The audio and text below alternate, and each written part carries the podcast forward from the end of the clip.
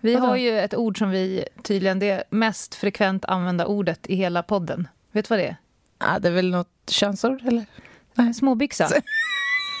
Tydligen just har vi liksom någon form av svit med x antal eh, avsnitt i rad med ordet småbyxa. Och det här har Ja, ju men både det är ju ett du, bra ord. det Det, måste du hålla med om. Och både du och jag har ju använt det innan Ja, vi ja. träffades. Ja. Men vi fick faktiskt på Instagram, Aha. eh, då står det så här. Förresten, småbyxor är finlandssvenska och Va? kommer egentligen från finskan. På finska heter det, nu ber jag om ursäkt för mitt finska uttal, men pikkuhosut. Där pikku är små och hosut är byxa. Ja, men alltså det här är så roligt. Pickohosut. Men då är vi inte helt fel på det. För vi har ju fått mycket frågor så här. Vad, är det liksom, kan både män och kvinnor ha småbyxa? Ja, och sådär? det är en liten byxa. Ja, ja, ja, för mig är det glasklart. Men då undrar man ju om det finns andra ord på finska för trosa och kalsong. Ja, Eller om det är eller är det alltid. småbyxa och storbyxa, tror du? Men hosut, hos, hoseri. Alltså, Ja, just det. Ja, du ser. Fin, fin, det kommer... Det är Kanske. Finsk. det kommer Allt kommer från finskan. finskan. Engelskan kommer från finskan. Ja, nej, men det är sen gång. gammalt. Och svenskan kommer från finskan. Ja, det är underbart.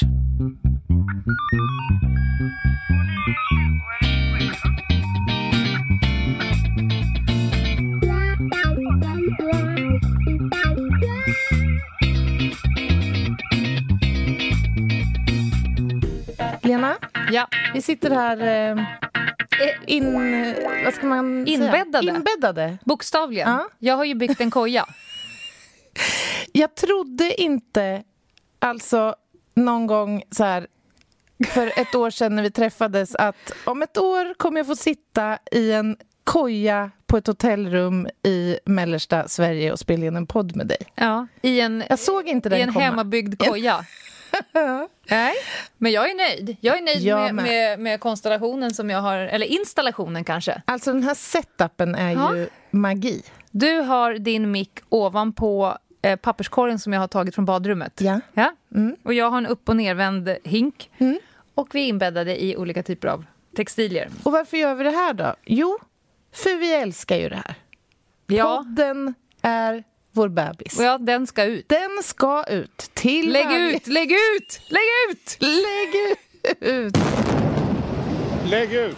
Lägg ut! Lägg ut! Lägg ut! Lägg ut! Lägg ut! Lägg ut!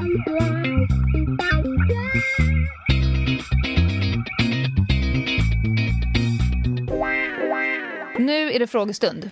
Ja.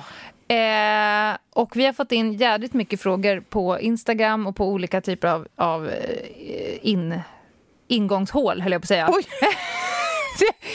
Ja. ja. Vi släpper den Ja, vi bara och släpper går vidare. Ja. Jag har de här på ett papper, frågorna. ja, vad Och roligt. jag tänkte eftersom jag inte kan, eh, jag är för ambivalent för att kunna bestämma vilka vi ska ta, för vi Ja. kommer inte hinna med alla. Nej. Så du säger en siffra, Aha, mellan 1 och 33 det kan blir vi som ta ett idag. litet bingo Ja. i podd... Ja, exakt. Ja, Apropå roligt. bingo. Ja. Vi fick lite återkoppling på bingot jag la ut. Mm, Jag hade det är ju fått briljant. 300 personer som frågade eh, nummer 20, borsta Åke på ballen. Jag fattade inte att det var dialektalt.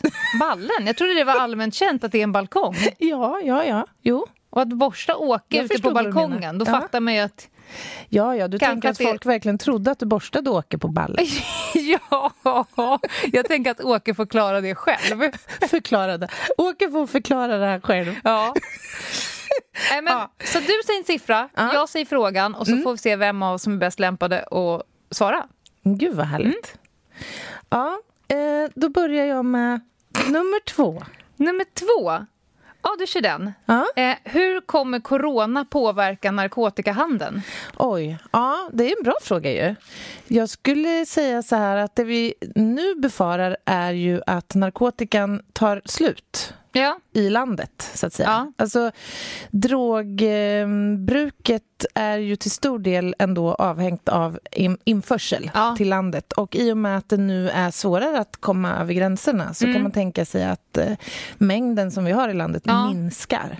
Ja. Och i förlängningen, vad skulle det kunna innebära? Ja, jag tänker till exempel att apoteksinbrotten kanske ökar. Mm. Stölder från sjukhusen kanske ökar. Jag vet inte, har du någon take på det? Ja, alltså eh, priserna lär väl rimligtvis gå upp. Just åtminstone det. på vissa preparat. Mm. Eh, och eh, grossisterna stannar hemma. Mm. Det kommer lite blandade rapporter. Polisen har ju dels sagt att vi har inte märkt av någon större grej just nu. Nej.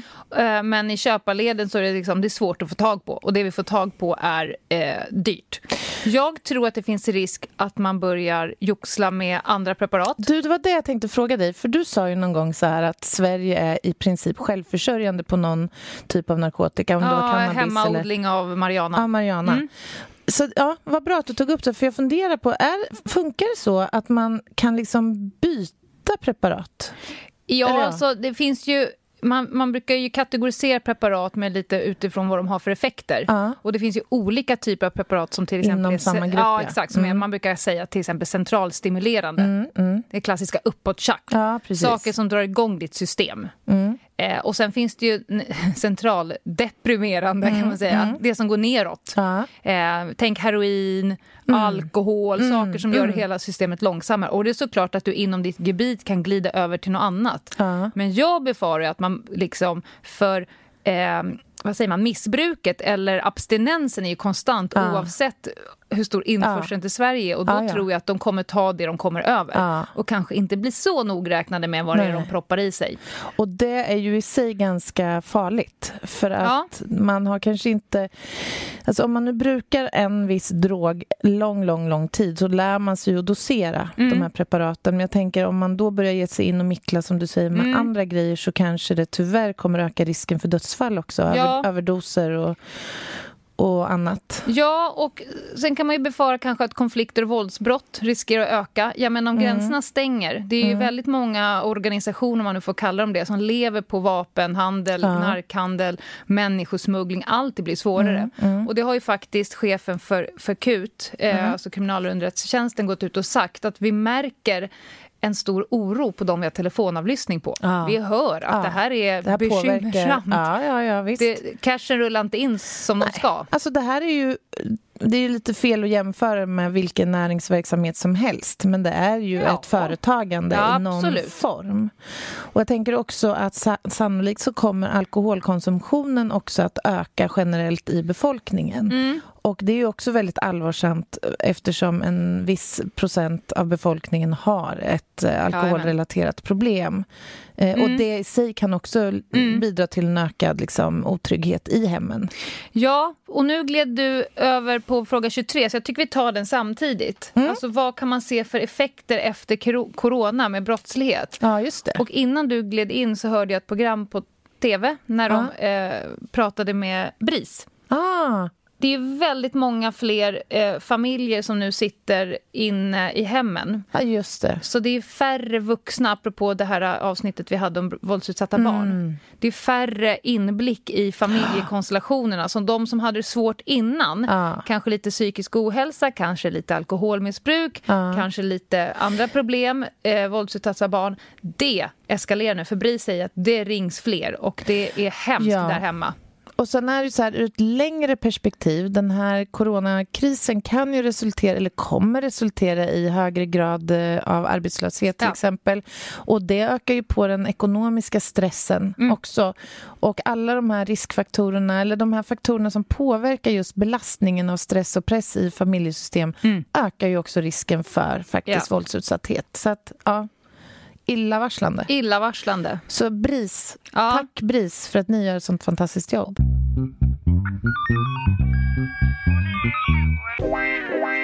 Är det dags för ett nytt nummer eller? Kör. Fem känns som en bra siffra. Åh, vad härligt. Hur är det att ha mens respektive vara gravid i tjänst? Oj. Eh, ja, alltså att ha mens i tjänst är väl ungefär som att ha mens när man inte är i tjänst. Det gör jävligt ont och är bara förbannat opraktiskt. Ja. ja. Eh, Men alltså, och jag, för person, personligen så har jag klarat mig ganska bra från såna här jättejobbiga symptom. Liksom. Mm. Jag får, visst får jag ont, man får kanske ta en Ipren och en Alvedon. Eh, och så blir man lite svullen, kopplet kanske inte sitter riktigt lika Nej. bra. Sådär. Eh, men nej, jag tycker det har inte varit något jätteproblem. Och vad gäller graviditet för min del så jag upptäckte ju det här ganska tidigt och eh, ku- hade möjligheten då att faktiskt gå in och sitta med eh, lite andra polisiära funktioner. Så jag var faktiskt inte ute och jobbade särskilt länge som, som gravid. Nej. Du då? Mensdelen, jag tror att jag var ganska transparent med den eh, mannen som jag jobbade med. Idag, Det tror jag. Vet du, det tror jag också. det kan till exempel... Kunde han din menscykel? Ja, kanske. Nu har inte jag ju eh, svåra såna PMS, alltså, Nej. utan eh, mer molande ländryggsmärta och illamående. Så det är så här, idag har jag mensvärk. Så, däremot så graviditet, jag jobbade ju ute ett tag. Eh, och gärna de här veckorna där man skulle mörka, när man inte ville berätta än för att man hade inte, liksom, det kändes inte stabilt. Så att, eh, jag, under ett par perioder vid olika typer av husrannsakningar så var jag tvungen att gå ut och kräkas. Jag mådde ju så gud, in i helvete så jag Ah. illa i början av graviditeten. Så Ah. jag kräktes i rabatter och, Nej, och lite här och var under. Och jag vet inte vad kollegorna, de vill jag har fattat. Ja, det är Jag klart. går ut och pukar och kommer in igen. Ja. Vad fan vad du är magsjuk hela Mm, tiden, Lina. exakt. Har du ätit en dålig räka nu igen? Jag tänkte på det här med just med mens och hur man påverkas Mm. av det. Det finns ju faktiskt exempel på, på mordfall Mm. med kvinnliga förövare där det, de hävdar att de har påverkats av att faktiskt menstruera. Att det har påverkat deras nivå av liksom aggressivitet och... Ja, alltså att Vadå, som en förmildrande omständighet? Ja, som en förmildrande omständighet, ja. Jag slaktade han för att jag hade mens. Ja, men för att jag var inte vid mina sinnens fulla bruk. Nej, ja, absolut. Eh, och att det kan påverka liksom känslostämningen och känsloregistret så pass hos vissa kvinnor så att man skulle Ja, vara fan? benägen att liksom faktiskt till och med döda. Alltså, ja, ja, ja, det är att dra det långt. Ja, Ja. Men jag har vänner som i princip blir personlighetsförändrade. Ett par dagar i månaden. När, när man bara så här, vi, vi kör kanske en träff en annan dag. ja, men alltså för vissa kvinnor är ju det här enormt belastat. Alltså det finns Men ju kvinnor mord, som är sjukskrivna Att det skulle dras till mord. Ja, nej. nej jag, för mig låter det helt osannolikt, men eh, Ja. det finns faktiskt såna exempel. Absolut. Mm. Ny Aha. siffra. Oj. Sex är ju aldrig fel. Eh, Okej, vilket fall har gett mest avtryck på dig? Hemskt, läskigt eller fint? Oj. Eh, vad svårt att plocka upp något I ditt bara. fall säkert hemskt. Ja, jo. Eh, det, det finns ett fall som jag direkt tänker på eh, som handlar om en mamma som blir mördad av sin särbo. Får halsen avskuren inför hennes son som då var åtta år eller något Nej, sånt där. men fy Mm. fan. Och det var ju, det är ju det värsta i alla kategorier tror jag, fall eller ärende som jag har jobbat med. I det här fallet så vet jag att det fanns en pappa som var väldigt klok och fin och vettig. Som Mhm. pojken såklart Okej, det var inte kan leva farsan. hos. Ja. Nej, det var ju inte hans eh, riktiga pappa som mördade mamma. Men, och sådana ärenden sker ju titt som tätt. Men vänta, hur mördade han henne inför sonen? Skar halsen av henne. Äh, alltså. Mm. Och det finns flera sådana exempel på ärenden avdömda där barn faktiskt har bevittnat den graden av våld, alltså dödligt våld. Och det är klart att det påverkar ju de här barnen väldigt, väldigt mycket. De ärendena är ju, tycker jag, absolut känslomässigt de värsta. De har ju liksom förlorat dels sin mamma och sin otrygghet och sen leva med kanske ett psykiskt trauma Nej, hela sitt alltså. liv.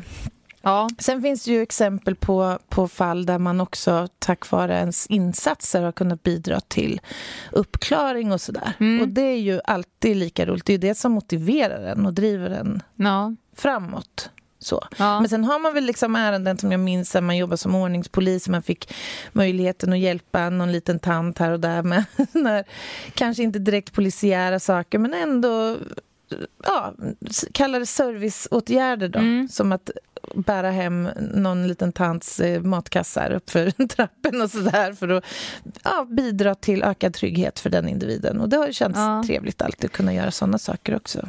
Ja, Jag, jag reflekterar faktiskt när vi fick frågan Mm. att att vad konstigt det är att vissa fall fastnar. Ja. När man vet att man har varit med om mycket värre, mycket läskigare, Mm. där kanske man har varit rädd för sitt liv eller det har varit väldigt tumultartat. Men hur vissa andra fall fastnar som egentligen ingredienserna i sig är ett, Nej, ett sånt där inte- mängdärende Ja. som man kanske har haft tio stycken av, Ja. men en av dem kommer nog ihåg. Och jag, när jag läste frågan så kom jag bara spontant att tänka på att vi eh, hittade två unga tjejer, jag tror att de var 15 eller något, som hade Mm. rymt från någon form av, av boende, LVU kanske. Mm. Eh, och var så jädra nersonkade av någonting. Vi tänkte Subutex, heroin, liksom någon Mm. form av nedåt preparat. Ja. Och tog in och skulle pissa av dem. Och när jag satt med den här och kämpade med den här tjejen, eh, för hon eh, höll ju på att somna hela tiden. Så hon tappade ju burk efter burk efter burk i toaletten. Hon somnade liksom medan hon skulle kissa. Eh, och så sa hon det så här, kan du sitta och nypa mig i knäna?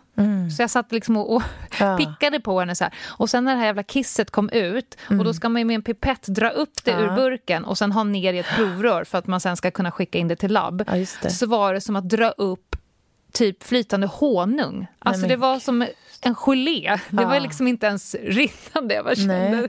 vad har du gjort med din Ja, lilla kropp, fy. hjärtat? Och det där är Ja. ju, när du nämner det där så kommer jag också tänka på vissa, just, just den där typen av ärenden när man Mm. ska transportera någon från ett behandlingshem till ett annat eller tillbaka till ett behandlingshem om man har avvikit från ett Mm. och de har klivit ut och sen direkt gått på liksom Ja. drogen igen Ja. och när de sitter och har sån abstinens Ja. det bara spränger i varenda del av kroppen. Mm. De har ångest, de är ledsna, arga. Alltså, det, är så, det är så ledsamt, tycker jag. Och speciellt när det är yngre Ja. individer. Och det är någon som har försett de här två unga tjejerna med det här. Ja. Jag tycker att 26 känns som en bra siffra. Jag fick lite feeling, ring så spelar vi nu. Då tar jag fram permen och så, nej, den siffran gick till Ulla Karlsson från Säffle i morse. Ja, Du får alltså, ta en ny siffra. I potten tre presentkort. Ja, det, är exa- det ligger ju precis före Melodikrysset. Så. Men alltså, sluta. Jag älskar det. Lyssna varje lördag. Ja, kör. Ja, 26. 26. Eh, heter det polis, heter det piketbuss eller pikébuss? Det här är en klassiker. Det är en klassiker. classic. Ja. Ja, men alltså, kära lyssnare, låt oss en gång för alla döda föreställningen om att det i en buss färdas sex rosa pikéklädda personer. Stekare Stekare. med Det kotlettfrilla. heter piketbuss. Ja. Och Piké har man på golfbanan Ja. och i Båstad Ja. när det är tennisvecka. Och i övrigt så bör man inte använda plagget piké. Det kan vi också säga, va? Ja, nej, precis. Om man inte vill minnas 90-talet Ja. med värme. Men vad hette han med uppfälld krage? Fotbolls... Cantona! Ja, just det. Cantona. Cantona, Erik. Cantona. Mm. Nej, men, och också skulle jag vilja lägga in i detta. Piketen, som de då heter, Mm. Ja. Denna funktion inom polisen. ja, det blir svårt om det skulle heta Pikén! Pikén. Nej, men piketen, det var många år sedan som det var piketen Ja. som satt i en buss. Ja. Så ser ni ett, ett fordon modell större som är blått och vitt som det står polis på så är det inte piketen. Det är Det är random eh, poliser som kan vara på väg till en kommendering eller det är ett lokalpolisområde som Eller trafikkontroll. Trafikkontroll. Eller, mm. Piketen har inte uniform på sig och sitter inte i bussar. Nej, men sen är det ju så att piketen i ordets rätta bemärkelse existerar väl knappt inte ens. Idag är det ju insatsgrupper man pratar om. Ja. Så att eh, på både regional och Jobbar nationell... väldigt mycket civilt. Ja, Ja. ja. Yes, bra. Bra fråga. Mm, mycket bra. Ny siffra. Okej, ge mig nummer eh, 14. 14. Ja, har ni tänkt på merch med era bästa citat och illustrationer? Ja, men det är klart att vi har tänkt. vi tänkt på merch? Herregud, sista dagarna så har det inte tänkts på sådär jättemycket annat än merch. Ja, men alltså, vi har ju många härliga idéer på gång. Jag är ju fortfarande, jag vill ju gärna ha en tisha eller något med, Ett bokmärke på med magen. ett bokmärke på magen. Hur svårt ska det vara? Men vi har fått Ge in- mig bara Ja, men det det, kommer nu. komma. Men vi har ju, jag har ju puffat lite på Instagram sista dagarna här. Mm. Eh, och vi har ju fått in ganska många roliga citatförslag. Ja. Som, sådana som vi själva har glömt bort. Ja, vi efterlyste ju citatförslag till Mm. Ja. kanske vårt Ja. merch. 0538. Ja, men alltså, det Sugen? Frågetecken. Och det jag känner då med det är ju att det blir som ett lite hemligt, Ja. hemligt kodspråk. lite klubb. Ja. Dumleklubben 2.0. Var Ja. du med i Dumleklubben? Nej. Va? Nej, var du det? Ja! Den här röda t-shirten. Ja, Tänk jag om jag kunde... Det finns så många t-shirtar som jag vill komma över idag. såna Dumleklubbs-t-shirten, Spola kröken-t-shirten. jag är hur ju, nice vore det ja, inte jag är att ju få en sån? t-shirt-fetischist. Ja, jag alltså. vet, jag vet. Men du, spola kröken t-shirt Ja. alltså. Ge mig bara. Rör inte min kompis. Det Ja. finns så många så Ja. gamla klassiker. Ja, det det. Nej du, till allt. ja, du har ju en som typ ser Ja. ut som rör ej min Ja. kom, rör inte Det min står kompis. nja, nja till livet. Precis, det är ett Ja. litet annat dolt Men vi, vi, merch kommer att komma. Det kan vi Ja, säga. det det Tischer och tygväskor. Eh, av den enkla anledningen att vi har förstått via Instagram att eh, det vills att merch ska komma. att merch ska nå Ja. svenska folket. Ja. Och det kommer bli... Och merch skola komma. Yes, så är det. Mm. Ny siffra. Har vi tagit nummer ett? Nummer ett. Nej, men den är härlig. Ja. Den mest korkade brottslingen ni träffat. Får jag börja med min? Ja. Jag har ju en sån klockren. Ja, berätta. Tänk dig nu, telefonavlyssning Mm. på en person. Eh, och då hör man ju alla samtal som han eh, har. Mm. Det ringer in. Den här mannen är också spelmissbrukare. Han är inte bara narkotikaförsäljare, han är också spelmissbrukare. Mm. Så han ska på eh, ett större kasino. Ja. Inte över nätet, utan ett, ett fysiskt kasino. Ja. Det ringer in en person och säger så här, ah, ska du dit, ska du dit? Så här, Sätt 30 loppor på, på röd för mig. Sagt och gjort. Tydligen så spelas det. Rings upp sen igen. Ja. Och så bara, nej sorry, sorry. Eh, du- du vann inte, röd vann inte. Nej. Varpå den andra säger, okej, vilken färg vann då? Nej, nej, nej. Älskar det!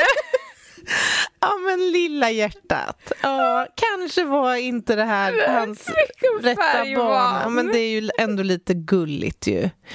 Alltså jag, har, jag kommer inte på någon sån här rakt upp och ner. Alltså det är klart att jag har ju sett exempel på mer eller mindre väl genomförda brott. Hur man liksom har tänkt till med både handskar och skoskydd och Ja. allt möjligt. Och sen kom man på på brottsplatsen att man skulle käka ett äpple också och lämna kvar äppelskrutten. Typ Ja. såna där grejer.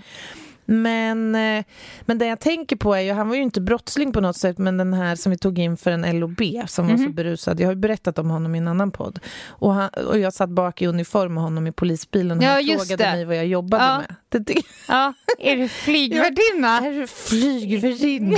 Inne i polisbilen? ja, precis.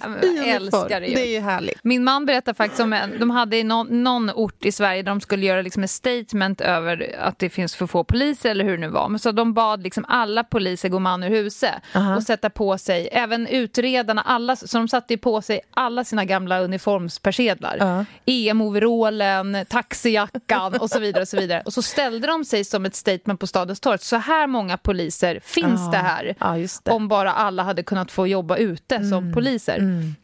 Då bestämmer sig för en man för att råna den lokala, eh, vad det nu är, guldsmeden eller pizzerian. I, Ja. så han rusar ut ur stadens köpcentrum, rätt, Rätt in, in. in på torget där det står 322 stycken poliser. Ja, typiskt. Ah, Han var jätteonöjd med sin timing. Det hade hon inte räknat Nej. med. Vem skulle Och då hade det här ju annonserats i lokalt och han har sagt efteråt så här, ah, vad fan, det där har jag ju läst. Ja, men du förstår ändå hur snacket går när man Ja. planerar en sån Ja. där stöt. Bara, ja, vad finns det övervakningskameror? Ja, det sitter en där och där, den ska vi akta oss för. Och sen handskar glömmer vi inte nu, va, grabbar? Och sen eh, får vi skyla ansiktena. Ja. Men jag tror inte någon sa, tänk om det står 30 320 eller 300 poliser. poliser på torget utanför. Och ta lyra när de kommer ut springande. Ja, precis. Ja, det är härligt. Eh, har vi tagit nummer 13? 13. Det konstigaste hittegodset som har lämnats in. Ja, det, ja, alltså saker som jag vet har lämnats in som jag inte själv har varit beblandad i, Mm. det är bland annat tandproteser. Ja, Mm. och där hade jag ju fler saker på Ja, temat. För jag vet att vet folk... jag har Ja, lite på det där. Men, men just här saker som lämnar ens kropp och som man har för att man behöver dem. Jag vet ju att det har lämnats in liksom en, rullat, en rullator, Ja. ett emaljöga, Nej. tandprotes. Sånt Men som hur man... tänkte du att en rollator har lämnat ens kropp? Nej, men alltså det är en förlängd del av ens kropp. Man, det är liksom en förutsättning för att kroppjäveln ska färdas genom livet. Så Ja, kan man ja. säga. Ja, så man man borde ju märka att den jag har fått kropp. slagsida. Ja, nu har nog rullatorn lämnat min kropp. ja, ja, men vadå? Annars behöver du ingen rullator om du kan fortsätta gå och känna så här, nej, det är inga som helst konstigheter. På två veckor senare, fan. Saknar inte något. Ja, nej, det, det Och som riktigt. ögat ramlar ut. Ja, det Borde man inte känna det? Jo, men det är klart man känner. en palpation liksom. Ja, men det kan ju vara så att man tappar ögat under väldigt speciella omständigheter. Alltså på ett Ja. väldigt, väldigt mörkt ställe eller jag vet inte. I, nej men så, här, så att man inte hittar det direkt. För det är klart att man märker om man tappar. För det är väl inget man går omkring med i en ficka och bara använder lite Random. random. Nej, jag, vet, jag, jag har lite... Här känner jag mig tunn. Ja, jag med. Jag har inte så mycket att komma med här känner jag. Men en, en sak som tydligen, och det hittade jag faktiskt på nätet. En, en skön kombo, att det lämnas in en väska till hittegods, jag tror att det var i kollektivtrafiken. I den här väskan låg det en motorsåg och en stickning. Oj. Det är ändå en skön kombo. Det, alltså jag tänker direkt så här, om man skulle köra någon sån här gissa personen, typ. Så här, ja, du vet. Ja, ja, ja. Va, va, va, vem är det Ja, som har lämnat måla in upp eller det här som har tappat den här väskan? Kan också vara en spanare. För Ja. där i, den, i en spanarväska ligger det ju... Ja, just för jag det. har många gånger tänkt så här, tänk om jag skulle vara med i en trafikolycka nu. Ja. Och, eh, och jag kanske befinner mig i ett distrikt där jag inte jobbar, så folk inte vet vem jag är. Ja. Och sen så eh, tar de in bilen. Och i bilen hittar de kryckor, skidor, emaljöga, motorsåg, stickning, pizzakartong. Ja. Ja, men, ja, det är ju fantastiskt. man skulle ju bara så här, ska vi ta och minnas Lena? Ja. Som en ganska brokig, en brokig person. ja, precis. To, tomma blompaket, tomma, liksom en påse med tomma flaskor. Ja. Allting är liksom... Ja. ja, jag fattar. Ja, det är väldigt speciellt, måste man ju säga. Ja. Jag tänker så här, det vore ju kul att intervjua en taxichaufför någon gång och höra liksom Ja. vad de hittar för Ja. kvarglömda grejer i baksätet på taxibilen. överlag Ja. så hade det varit kul att intervjua Ja. taxichaufförer. Ja. Men jag ringde faktiskt till en, en kollega till mig som har varit chef på Hittegods och ställde frågan vad är det konstigaste? Och då sa han så här, ja, det jag minns så här on top of mind Ja. är att det har lämnats in en buttplug. Ja. Den hämtades aldrig ut, vill han understryka. Ja, du förstår, man kommer dit. Ja, Ja. tänkte bara höra, har ni möjligen fått in någon buttplug? Och så får han fråga, ja, hur, hur ser den ut? Vi drar ut lådan med alla våra så du kan beskriva den. Ja. Vad är det för färg? Kan du beskriva? Den, den återfås mot beskrivning, så det vore bra.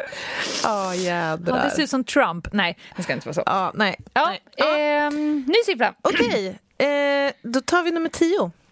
Nummer 10. Har du någonsin sökt upp ett förundersökningsprotokoll på Flashback? Ja, det har jag gjort. Varför det? Nej, men det kan vara till exempel nu när jag har suttit med min forskning faktiskt. Och det saknas, då har jag begärt in förundersökningsprotokoll, alltså allt sammans. Och då ibland har det saknats eh, handlingar och sådär. Och då ibland kan jag ha haft tur. Och hit, alltså jag, jag gör ju en Google-sökning men ofta är det ju på Flashback de finns. Liksom. Och det är ju, jag menar, det är ju inget, inget konstigt i sig att läsa förundersökningsprotokoll om det är avdömda fall. Nej. Liksom, med dom och allting. Så att, jo, men det har hänt. Du då? Ja, alltså jag har ju hängt ganska mycket på Flashback. Eh, kanske inte just sökt upp förundersökningsprotokoll, Nej. men jag har ju sökt information och då har jag varit oerhört källkritisk när jag läser Ja, denna men information. ju vara. Men när det kommer till narkotika, de eh, människor som knarkar älskar ju att prata knark. Mm. Det är liksom hela livet. Eh, så tripprapporter, Ja, just rusrapporter, till, alltså det säljs ju narkotika Mm. via Flashback. Sådär, så Ja, att jag har hängt där, Ja. såklart. Mm. Eh, Ja. Ny siffra? 27. Har vi tagit den? Nej. Nej. Vilka fördomar hade du om poliser innan du utbildade dig? Och har de förändrats? Oj, bra fråga igen. Men svår. Eh, fördom. Ja, men en del var nog det här med de fysiska kraven och eh, kapaciteten.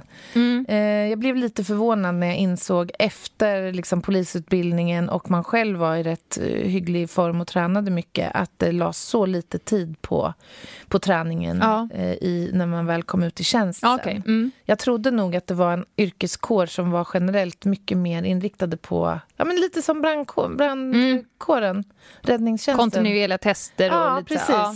Nej, att det inte gick över, övergick ganska snabbt i bara svettbandy en timme i veckan. Exakt. Där hälsenorna rök som pistolskott. ja.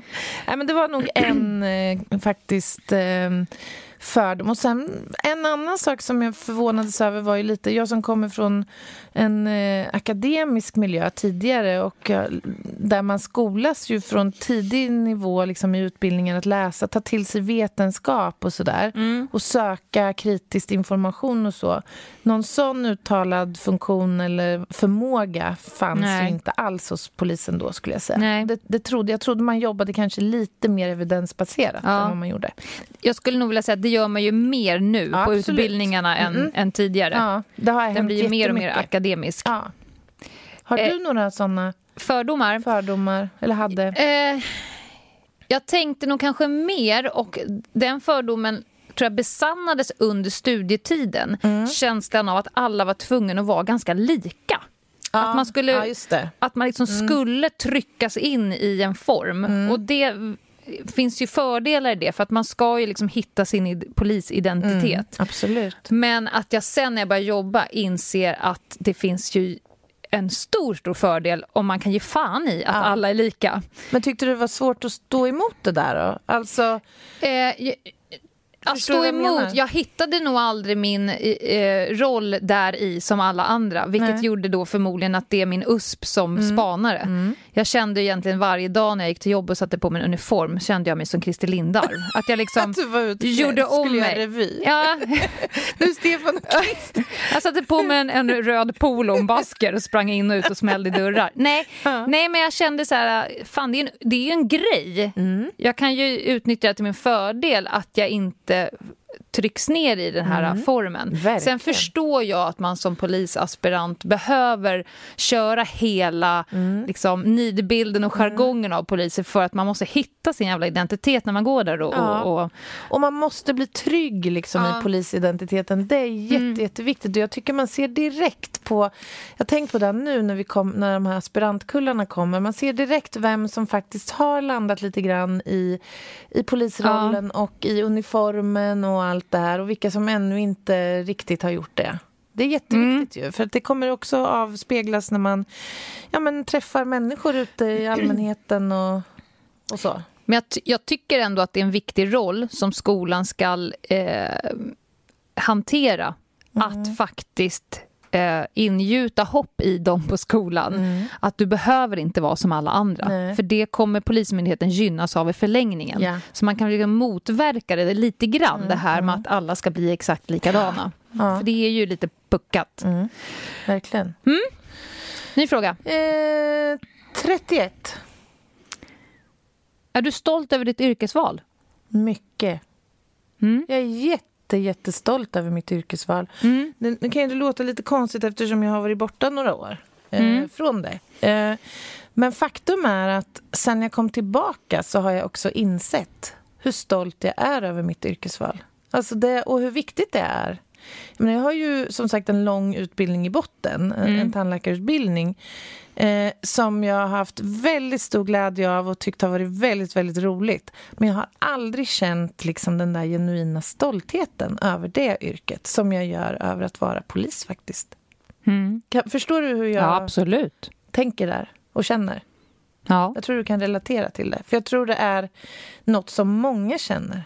Men det, det pratade ju vi om eh, på en, en middag. Mm det här med att du sa att det är ju tjorvigt att man rycks upp mitt i natten och ska in mm. och man kommenderas in och det är klafsigt och kläggigt och det är mm. lågavlönat ja. och det är allt möjligt. Det finns så mycket på det, det negativa kontot. Ja. Men ändå sa du, det är så jädra värt det. Ja, Ja. ja, det är, ja exakt. Jag minns Att vara med om någonting liksom större än sig själv. Precis. Man, Känslan man av känner det. Sig, Mm. men man, det finns ju en tillfredsställelse i det här att kunna göra gott för någon annan Mm.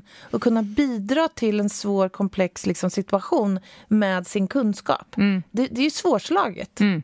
faktiskt. Jag tror det är det som också driver mig lite i forskningen. Mm. Det är otroligt arbetsamt. Liksom. Och Ja. mycket så här, sitta och söka och sammanställa data. Alltså det är ju ett riktigt skitgöra många gånger.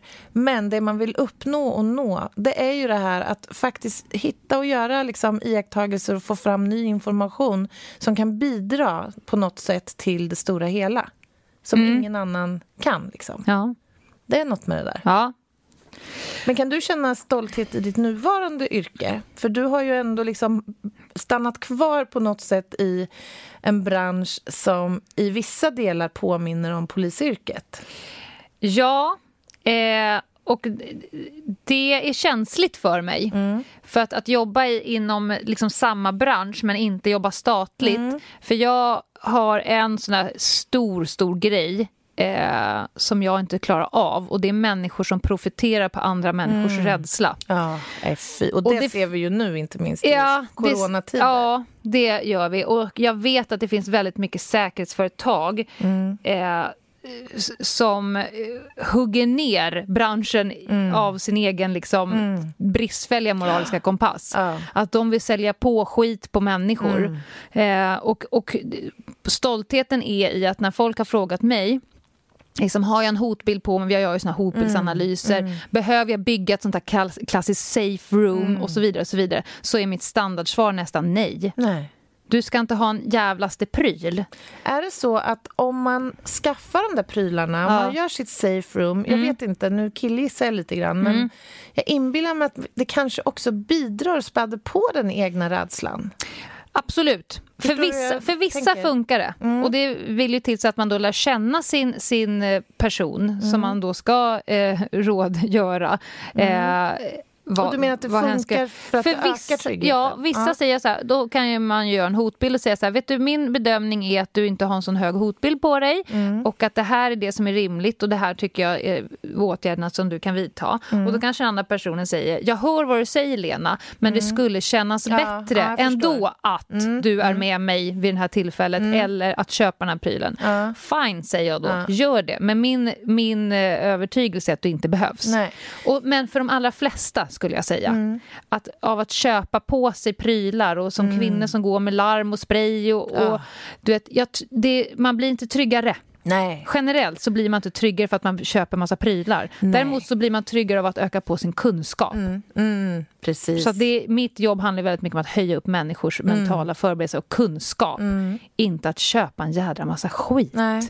Nej. Nej, bra sagt. Och det känner jag stolthet i. Mm. Att liksom rikta om ljuset till där det hör hemma. Och istället liksom in och götta i deras hjärna, inte i deras plånbok. Mm. Nej, precis. Väl talat. Yes.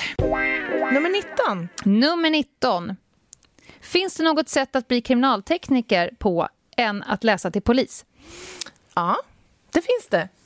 Eh, för, eller så här, historiskt så har det varit väldigt svårt, Mm. kan man säga. Eh, kriminalteknikeryrket har ju varit väldigt attraktivt, tror det eller ej. Mm.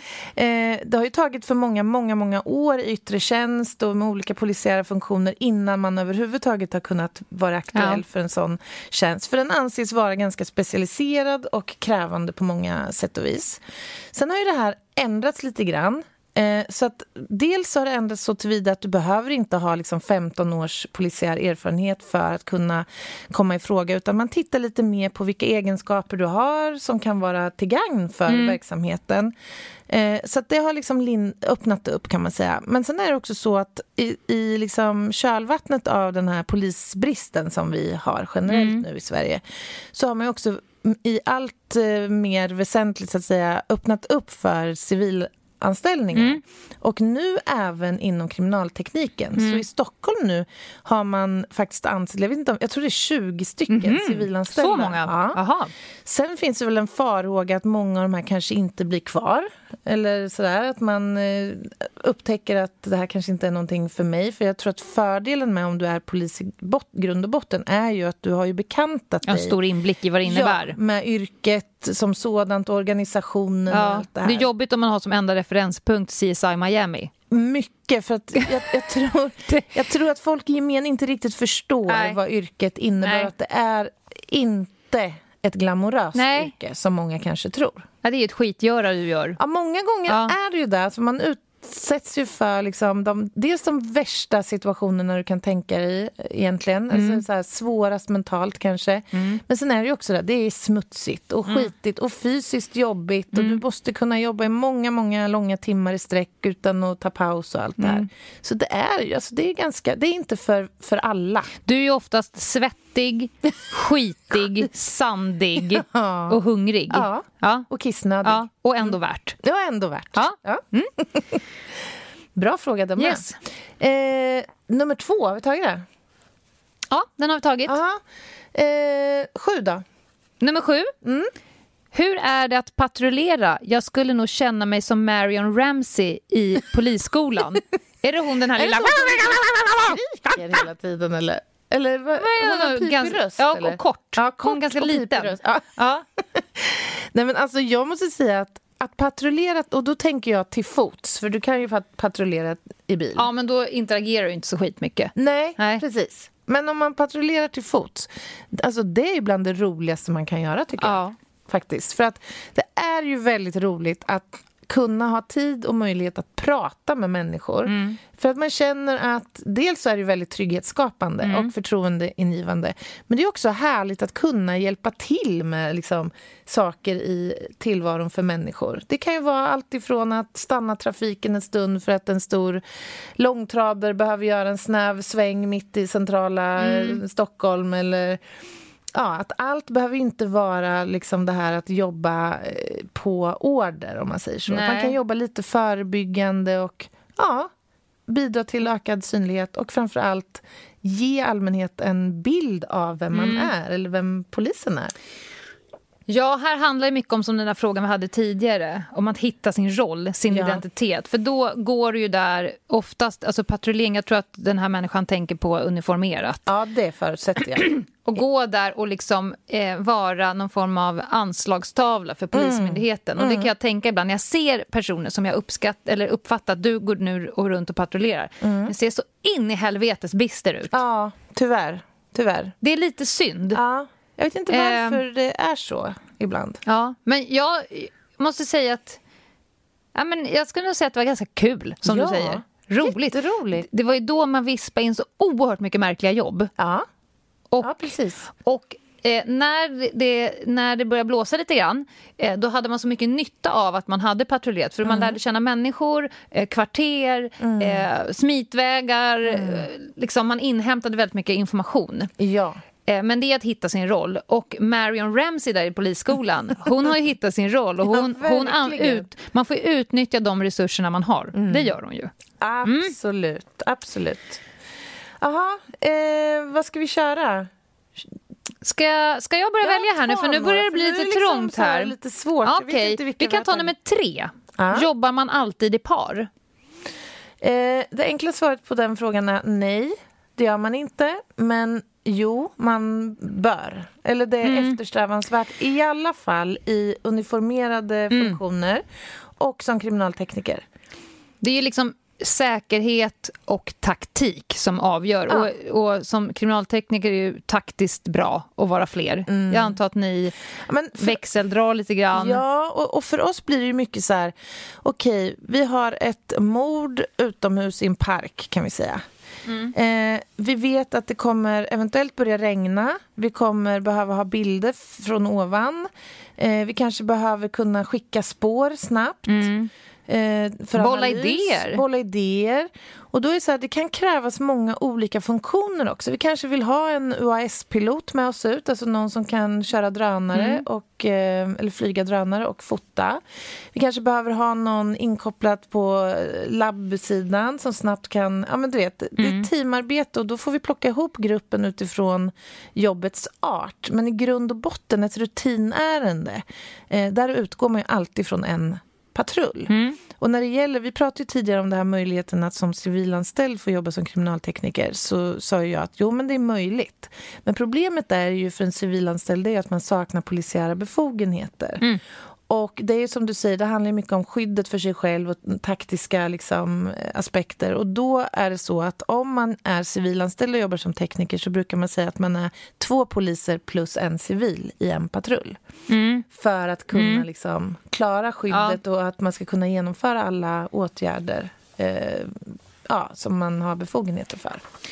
Sen finns det ju funktioner som jobbar mer ensamma än andra. Hundförare jobbar ju mycket ensamma. Ja, de Nej, det mycket, gör de inte för de har ju med sig buster. Ja, de har sin Ja, Span. kollega. Jag sitter ju själv Precis. i spanbil. Mm. Däremot så finns det ju andra spanare Mm. som är i närheten. Men, men taktik och säkerhet är det ju som avgör. Mm.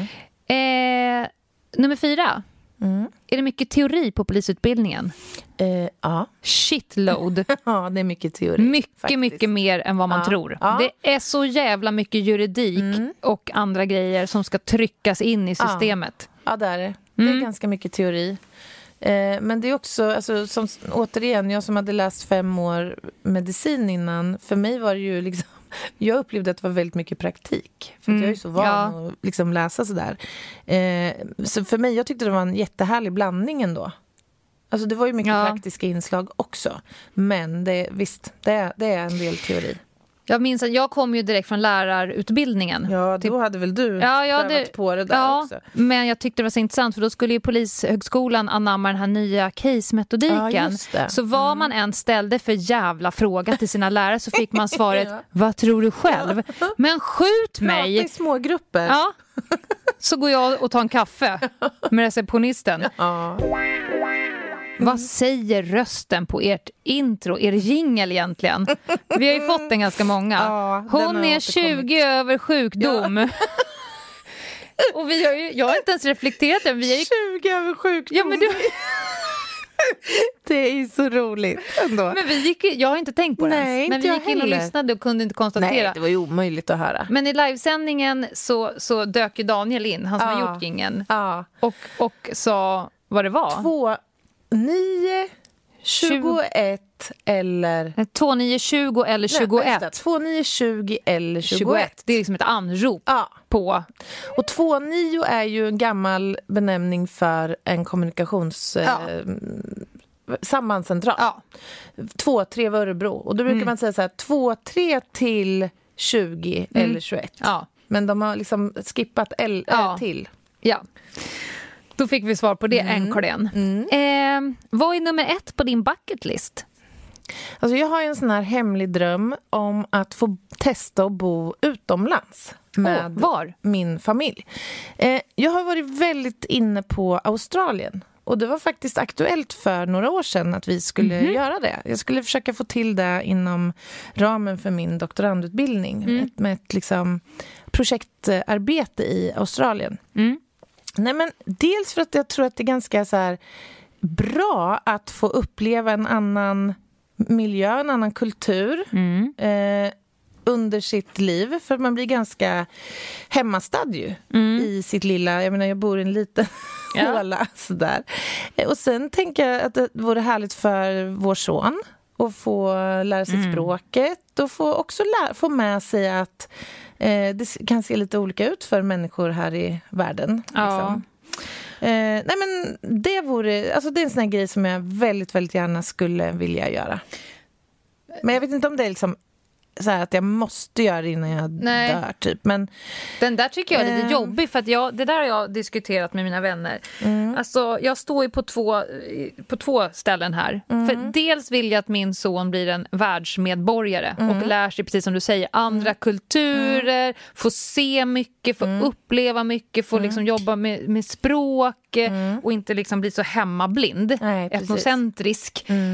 Mm. Å andra sidan så är det inte görligt att fara och flyga så jävla mycket Nej. som vi gör Nej, för klimatets heller. skull. Så Nej. jag tycker att det är jättesvårt Ja, om hur man... ambivalent, ja, ja. om hur man liksom å ena sidan och å andra sidan hamnar jag i. Mm, mm, jag förstår.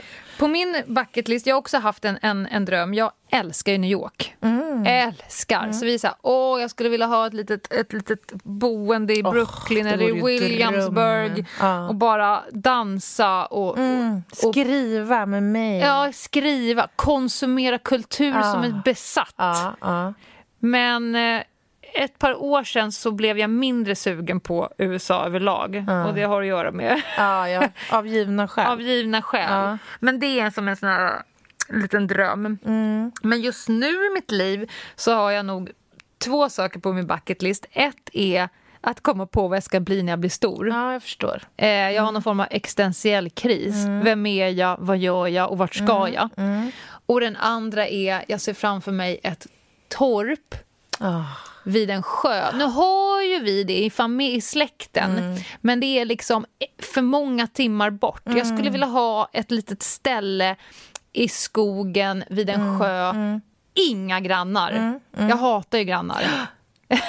Som Mm, jag du vet. vet. Plocka blåbär, bara blicka ut rätt ut i Mm. ingenting. Men att det ska ligga så pass nära eh, Stockholm så att man kan göra Ja. det till helgen. Och det, då måste man, jag ju börja sälja knark Ja. för att ha råd med det.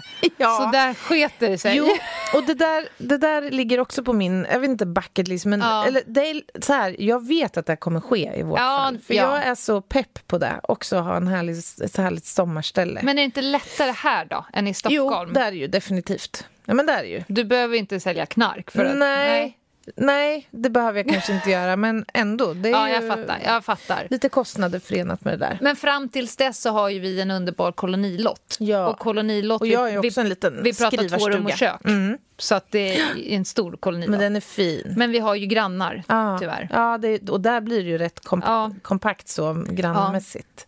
Jag har ju också en liten skrivarstuga Ja, som jag håller det. på att renovera Mm, och det är rusta på. Det behöver vi Ja, framöver. Eh, vi går vidare. Ja. Det här är ju jätteroligt, ja tycker jag. vilka bra frågor. Ja, men det är riktigt, riktigt bra. Ja. Eh, era bästa musiktips? Oj, Du kan ju ja. inte ha några. Du lyssnar på typ... Alltså jag är som en kvarleva från 80-talet. Ja, jag vet. I och för sig ska vi inte alls vara rädda för 80-talet. det gjordes riktigt, riktigt bra, musik. Ja, ja, ja, härliga ballader. Ah, power ballads. Oj, oj, oj. Ja, det, är De lite guil- man- det är lite guilty pleasure för Ja, mig ja, att fa- kunna faktiskt. erkänna att jag Ja. gillar dem. Ja, jag vet. Nej, men det... Alone med Heart. Ah, förstå vad mycket... Underbar. Högt på stereon. Vad det har- Skrika ut det bara. Precis. Ja. Det har pussats i kuddrum till de där Åh, fy fan vad äckligt. Ja. låtarna. Basil. Nej, men alltså, jag måste erkänna att jag är lite en sucker för ja, men liksom 70-80-tals rock. Alltså, jag gillar Kiss. Eller, det lät ju Gubbrock? Ja, gubbrock gillar jag. Du gillar Kiss? Jag gillar Kiss. Jag gillar Kiss, jag gillar Golden Showers, jag gillar... Nej, men jag tror att jag förstår vad du menar. Ja. Gubbrock, Gubbrock, alltså... typ Toto. Ja, to- ja, jo, men absolut. To- Dire Straits, eh, Ja. vad har vi? David Bowie, Bruce Ja, Springsteen. men morsamusik. Ja, faktiskt. Morsa Farsaskämt farsa. och morsamusik. Ja. Ja. Men jag vill tillägga Ja. att jag gillar ju även lite mer contemporary, liksom lite mer moderna Ja, men vänta, inslag. berätta nu, för det här är så känsligt Nej, ämne jag för är mig. ju väldigt mainstream. Det är inte så att jag sitter och här, söker musik, snickrar liksom, eh, låtlistor. Det gör jag inte. Nej, för det gör jag. Ja, men jag vet. Men Jag har ju svart bälte jag. i musik. Jag låter musiken komma till mig. Liksom. Genom vilka kanaler? Ja, men det kan vara, ja, men mycket är ju radio. Liksom. Men typ så här vara- betalkanalerna. Ja, både. Alltså jag skulle säga, ja, det finns inga begränsningar. Nej. Det kan vara låt jag plockar upp i någon jävla reklam Ja. på tv. Ja. Som, ja, men så här. Och sen så går jag därifrån och kollar men vad finns det mer för härliga låtar på den här personens. Och sen har ju vi en jättehärlig grej i Örebro som heter Live at Heart. Mhm. Eh, och det är en gång om året och då bjuder man in lite såna här små ja, men, alltså musiker som ännu inte kanske riktigt har slagit och etablerat sig. Ja. Det finns såna också. Och sen spelar de på olika krogar och pubbar i Örebro. Mhm. Och där har jag plockat upp flera ashärliga band och sådär. Ja, det är ju nice. Ja, riktigt nice. Du, va, du ja men Ja, herregud. jag har ju haft... Var ska vi börja i ditt fall? Nej, men jag har ju haft en liten kampanj på slutet som du kanske har märkt. Jag har ju skickat musik till dig. Ja. Har du lyssnat på Nej, dem, Anna? ja, nå- jag har gjort några försök, det kan jag erkänna. Men alltså, mycket seglar ju förbi också. Jag kan säga att det var den första saken jag kollade på min man vad han hade för musiksmak. Ja. Han hade rykt direkt om vi inte delar musiksmak. För det är en sån han. crucial grej. Ja, han gillar klassiskt också. Och sådär. Nej, men, och jag lyssnar inte bara på klassiskt, men så jag här, lyssnar om på... du säger att jag gillar morsamusik, då gillar ju du gammel mormors, mormors, mormors, mormors, farfars, mormors, mormors Ja, musik. men jag står ju på två ben, även här. Mm. Dels så står jag ju i det klassiska, jag älskar ju klassisk musik, Mm, eh, opera och så vidare. Men jag har ju också den andra kategorin, det jag har börjat peppra lite Ja. med nu. Jag gillar ju så här Det är melankolisk lite musik. psykedeliska. Ja, men det ska vara gärna stråkar, Ja. gärna piano och man ska gärna få känslan att jag behöver skära sönder min själ med kniv när jag Gärna lyssnar. stråk-inferno. Då är vi liksom... Ja. Men vi har ju fått så här, kan inte dela era bästa musiktips? Jag kan det. Mitt, om man går in på min, jag kan lova att jag gör en lista Ja, och lägger ja. ut på mitt Instagram. Härligt. Så kanske det är några som gillar det. ja, jag kan lägga ut någon skön... Mr Music. Nej, 92. ja! Tracks 84 med Ja. Kaja Kinnvall. Ja, men det var ju Älskar, tider ändå. älskar. Ja. När man satt med fingret på räckknappen och play-knappen och när slutade han prata så tryckte man ner och så gjorde man Ja, det var blandband. blandband. Älskar det. nu blir det högt och lågt. Obduceras alla människor som har dött? Nej, det är de inte. Vilka obduceras? Eh, det finns två varianter här. Det ena är ju de här som dör på sjukhus eh, och där man gör så kallad patologisk eller klinisk obduktion av människor i syfte att kanske förstå till exempel en viss typ av sjukdom. Eller där det inte alls står klart varför en individ faktiskt har avlidit men där man är säker på att det är sjukdomsbetingat. Eh, och så finns det ju den andra varianten och det är ju den rättsmedicinska varianten. Och det är ju oklara eh, dödsfall eller onaturliga dödsfall, det vill säga de som har skett till följd av någon form av yttre påverkan. Eller där man behöver obducera för att kunna fastställa en identitet, till exempel. Om man har dött utanför sjukhus och utan någon känd liksom, sjukhistoria till exempel. Eller man anträffas avliden i sin bostad utan att det är klart att den här individen har varit döende i en cancersjukdom eller någonting annat. Då blir det föremål för en rättsmedicinsk obduktion. Och naturligtvis eh, när man misstänker, om det står klart redan från början att man misstänker brott, så ska det obduceras. Men nej, den stora massan obduceras inte. Och Icke. faktum är att obduktionsmängden har minskat successivt i Sverige. Det blir allt färre som obduceras och eh, eh, framtiden tror jag kommer att gå i samma riktning på gott och ont. Och det beror på att vi har en digital era liksom, Ja. som medger det här med virtuell obduktion. Alltså att man kan röntga en kropp och kunna utläsa kanske till och med dödsorsaker tack vare det sättet. Ja. Jordgubb eller hallon? Måste jag välja? Jag älskar ju både och, Ja. faktiskt. Eh, nu har jag ätit så himla mycket jordgubbar ett tag. För Ja. Mm. på min lokala livsmedelsbutik har de kört någon sån här drive. Så just idag skulle jag säga hallon. Men Mm. eh, gärna en blandning. Och gärna lite inslag av blåbär också. Ja, okej. ja, jag är ju... Vad är det en- för fråga för övrigt? Ja, men jag, jag, jag undrar liksom, vad, vad grundar den sig? Ja. Det kanske någon, liksom, finns en djupare mening Ja. här. Jag älskar ju att plocka. Jag har ju plockmani. Hjortron, blåbär, eh, lingon och hallon. Jag satte en fantastisk hallonhäck på kollo, på kolonin. Så varje morgon när man vaknar kan man gå ut med Åh, ett kärl drömmen. och plocka stora, feta, söta hallon. Mm, det och gott. det är ju själsmedicin. Ja, det är det. Så jag säger hallon. Hallå? Sanning eller konka? Åh gud vad lätt. Ja, tycker jag med. Så lätt fråga. Om vi, ska vi, säga, vi räknar så här, ett, två, tre, så säger vi vad vi skulle ta. Ja. Ett, två, tre. Konka. Sanning. Nej! Nej, är du knäpp eller? Skulle du kunna tänka Jag hatar dig sanning. utsätta dig för såna här helt obskyra och sjuka... Jag har inga som helst problem. Nej, herregud, du är ju... Inga som helst problem med det. Nej. Men du får svettningar. Oh, jag får svettningar nu när vi pratar Du om hade det här. dött på spaningsutbildningen. Ja, nej, men det är ingenting för mig. Så här, spela lite teater gå in i en roll. Så här, folk ska titta på mig när jag gör bort mig och sånt där. Nej, nej, för tusan. Jag Sanning. Du gillar sanningen? Ja, alla dagar i veckan. Ha, spännande. eh, nu ska vi se här. Vem fan är Göran? Nu är det någon som inte har lyssnat på Nej, våra avsnitt. precis. Det är vissa frågor faktiskt som avslöjar just det. Varför har man inte lyssnat på alla Varför avsnitt? gör ni inte det? Då vet man ju vem Kära Göran människor. är. Ja. Göran är en liten jävel som bor på cirka 8000 eh, meters djup. ja. Precis. Ja. Hade ni lyssnat på vattenavsnittet, då hade ni vetat det här. Varför är ordet initialt ett ord som poliser använder i varannan mening när de intervjuas? Men vad intressant fråga, för att det stämmer ju. Jag har inte tänkt på det och Nej. jag använder det själv Ja, jag tänkte säga, det finns en kategori människor Ja. Mm. som använder såna här skitnödiga ord. Men För att, är det ett skitnödigt ord? För det används mycket inom medicin också. ja, men det finns ju andra ord istället för att säga initialt. Man kan säga inledningsvis. Man, Momen- momentant. Så. man kan säga inledningsvis. Tidigt man kan skede. säga till en början, Ja. Mm. som start. Tidigt i utredningen. Jag antar att det är polisen som pratar om en Ja, utredning. men det är väl så här, i initialskedet. Vi Ja. befinner oss i initialskedet av utredningen. Ja. Det är väl så här klassisk vi be, eller vi befinner oss i början av en utredning. Eller initiala åtgärder. Ja. Ja. Men det är ju tydligen ett polisiärt ord Ja, som man slänger sig med. Och jag tror att Alltså, det finns fler. Ja, definitivt. Men jag tycker det här är så himla intressant. För det, Ja. det stämmer ju. Ja. Det Jag finns ju massa efter. synonymer som betyder exakt samma sak på lite mer vanlig svenska. Ja, men är det någon menar som inte skulle förstå vad initialt betyder? Är det ett svårt Nej, men ord? nej, det är inte ett svårt ord. Men om man säger det varannan mening Ja. så Tänk att du skulle skriva en text, då hade du ju varierat dig. Då hade du inte skrivit initialt varannan mening. Nej, det hade jag det Då hade du ju jag försökt variera Ja, dig. naturligtvis. Ja. naturligtvis. Eh, hur träffades ni? Återigen, ni har inte lyssnat på avsnitten. Skämmes. Skämmes ta mig fan. Vad var det för någonting?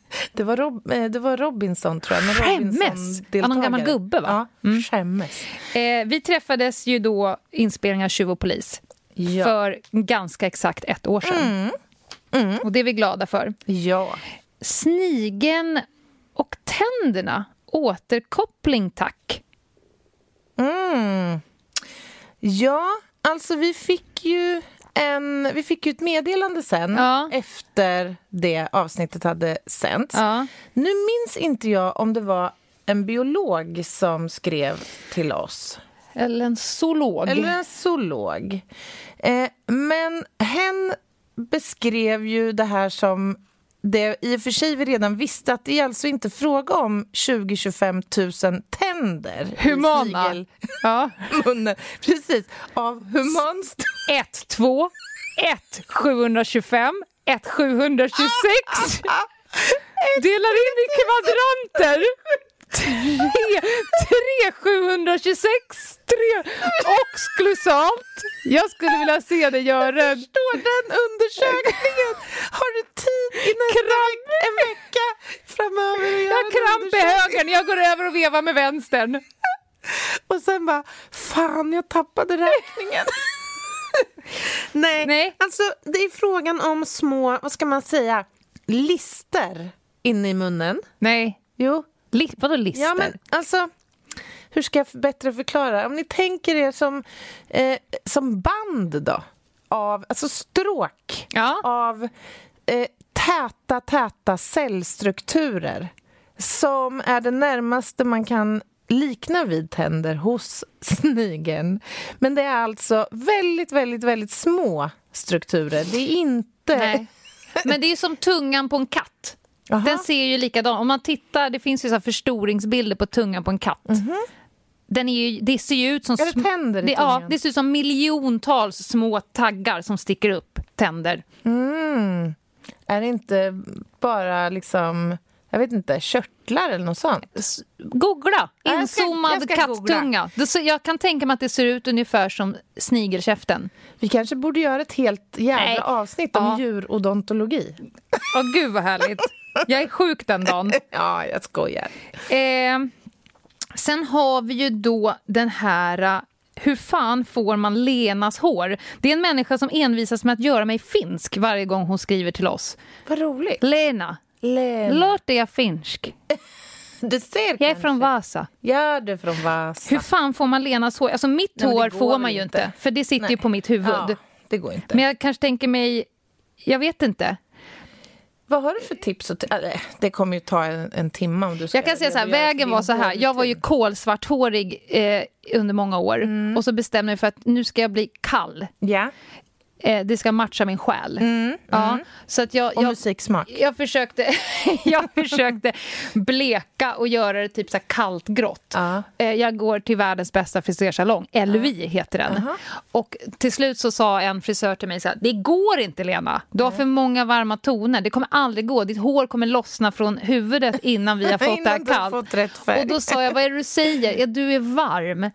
Då sa jag, då gör vi då gör vi 180 graders. Vi gör ett lappkast rätt åt det varma helvetet nu då. Ah. Och, och så gjorde de mig varm. Tog och, sen, fram det istället. och du träffade mig varm. Ja, Och du tycker att det ser bra ut på ja mig. men du passar ju verkligen bra i det. Så skaffa dig, en, min, mitt svar är skaffa en ärlig jävla frissa Ja. som bryter ihop och säger det går inte. Och nu går jag till Tilda och hon eh, har exakt samma hårfärg i sitt hår. Ah, och det är kanske det det. är bra. hon är proffs på Ja, det moroten. klart. Ja, det är klart. Men jag undrar lite, varför får inte jag den där frågan? Varför är det ingen som vill ha mitt hår? det råttfärgade i knut. Sandré. André. Nej, jag skojar. Vi släpper det. Eh, ska vi se om vi har en sista bra? För att jag tror att vi behöver avrunda. va? Mm. Eh, jag, vill, jag vill ta... Den här är ju bäst. Aha, kör den då. Som kom in. Mm. Jag ställde ju fråga på Instagram och in kom det massa. Och då kom det så här. Hello, we announced that you've been choosing to win iPhone 11. Check Oj. my page. Fan, det har jag missat. Vi har alltså vunnit Kunde en varsin... Nej, är det sant? Ja, tror du att det är för sent? Jag vet inte. Finns det kvar det där? Jag vet inte. Men Vad går... krävs då för att vinna? Ingenting eller? Jag tror bara att vi ska gå in och skriva in våra kontouppgifter. Kanske. Nej, men det kommer jag göra direkt efter Ja. sändning iPhone 11, det är ju bra. Jag har ju en gammal sur 8. Jag såg för övrigt... Levla upp! Ja, men gud, alltså, apropå det här så såg jag en sån rolig... Jag får göra en liten shout-out till Daniel Hallberg här nu. Jaha. Och tagga gärna in Daniel Hallberg, ni som eh, kör en händelse på Ja. nästa, det här avsnittet. Tagga in alla ni Ja, tack. känner. Gärna. Men då, jag, då såg jag på Daniel Hallbergs eh, Insta att det var någon sån här sex-konto liksom, konto, no- som hade skrivit så här... Mm. Jacqueline Hello. Russia. Ja, precis. Ja. Hello, I'm Jacqueline. I'm so horny. Eh, typ bla, bla, bla.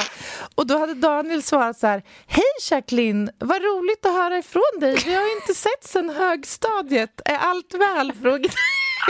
Jag tycker det är så briljant. Ja, Det är stor humor. Jag får aldrig såna där. Nej. Nej. Nej, man kan väl bara konstatera att det finns lite avarter i Ja. sociala medier.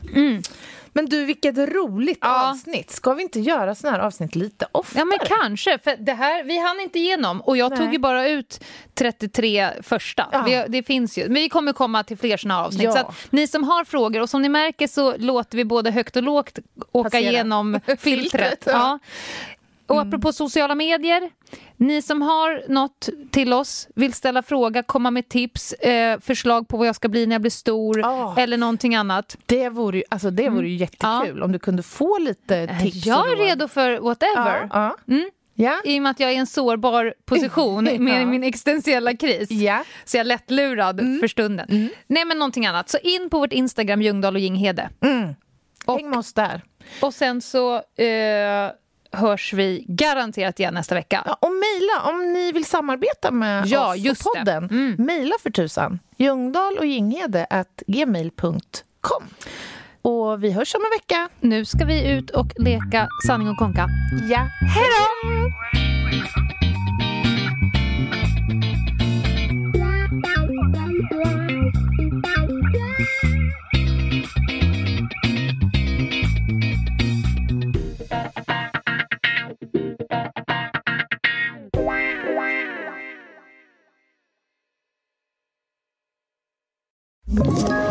Ett poddtips från Podplay. I fallen jag aldrig glömmer djupdyker Hasse Aro i arbetet bakom några av Sveriges mest uppseendeväckande brottsutredningar. Går vi in med hemlig telefonavlyssning och, och då upplever vi att vi får en total förändring av hans beteende. Vad är det som händer nu? Vem är det som läcker? Och så säger han att jag är kriminell, jag har varit kriminell i hela mitt liv men att mörda ett barn, där går min gräns. Nya säsongen av Fallen jag aldrig glömmer på Podplay.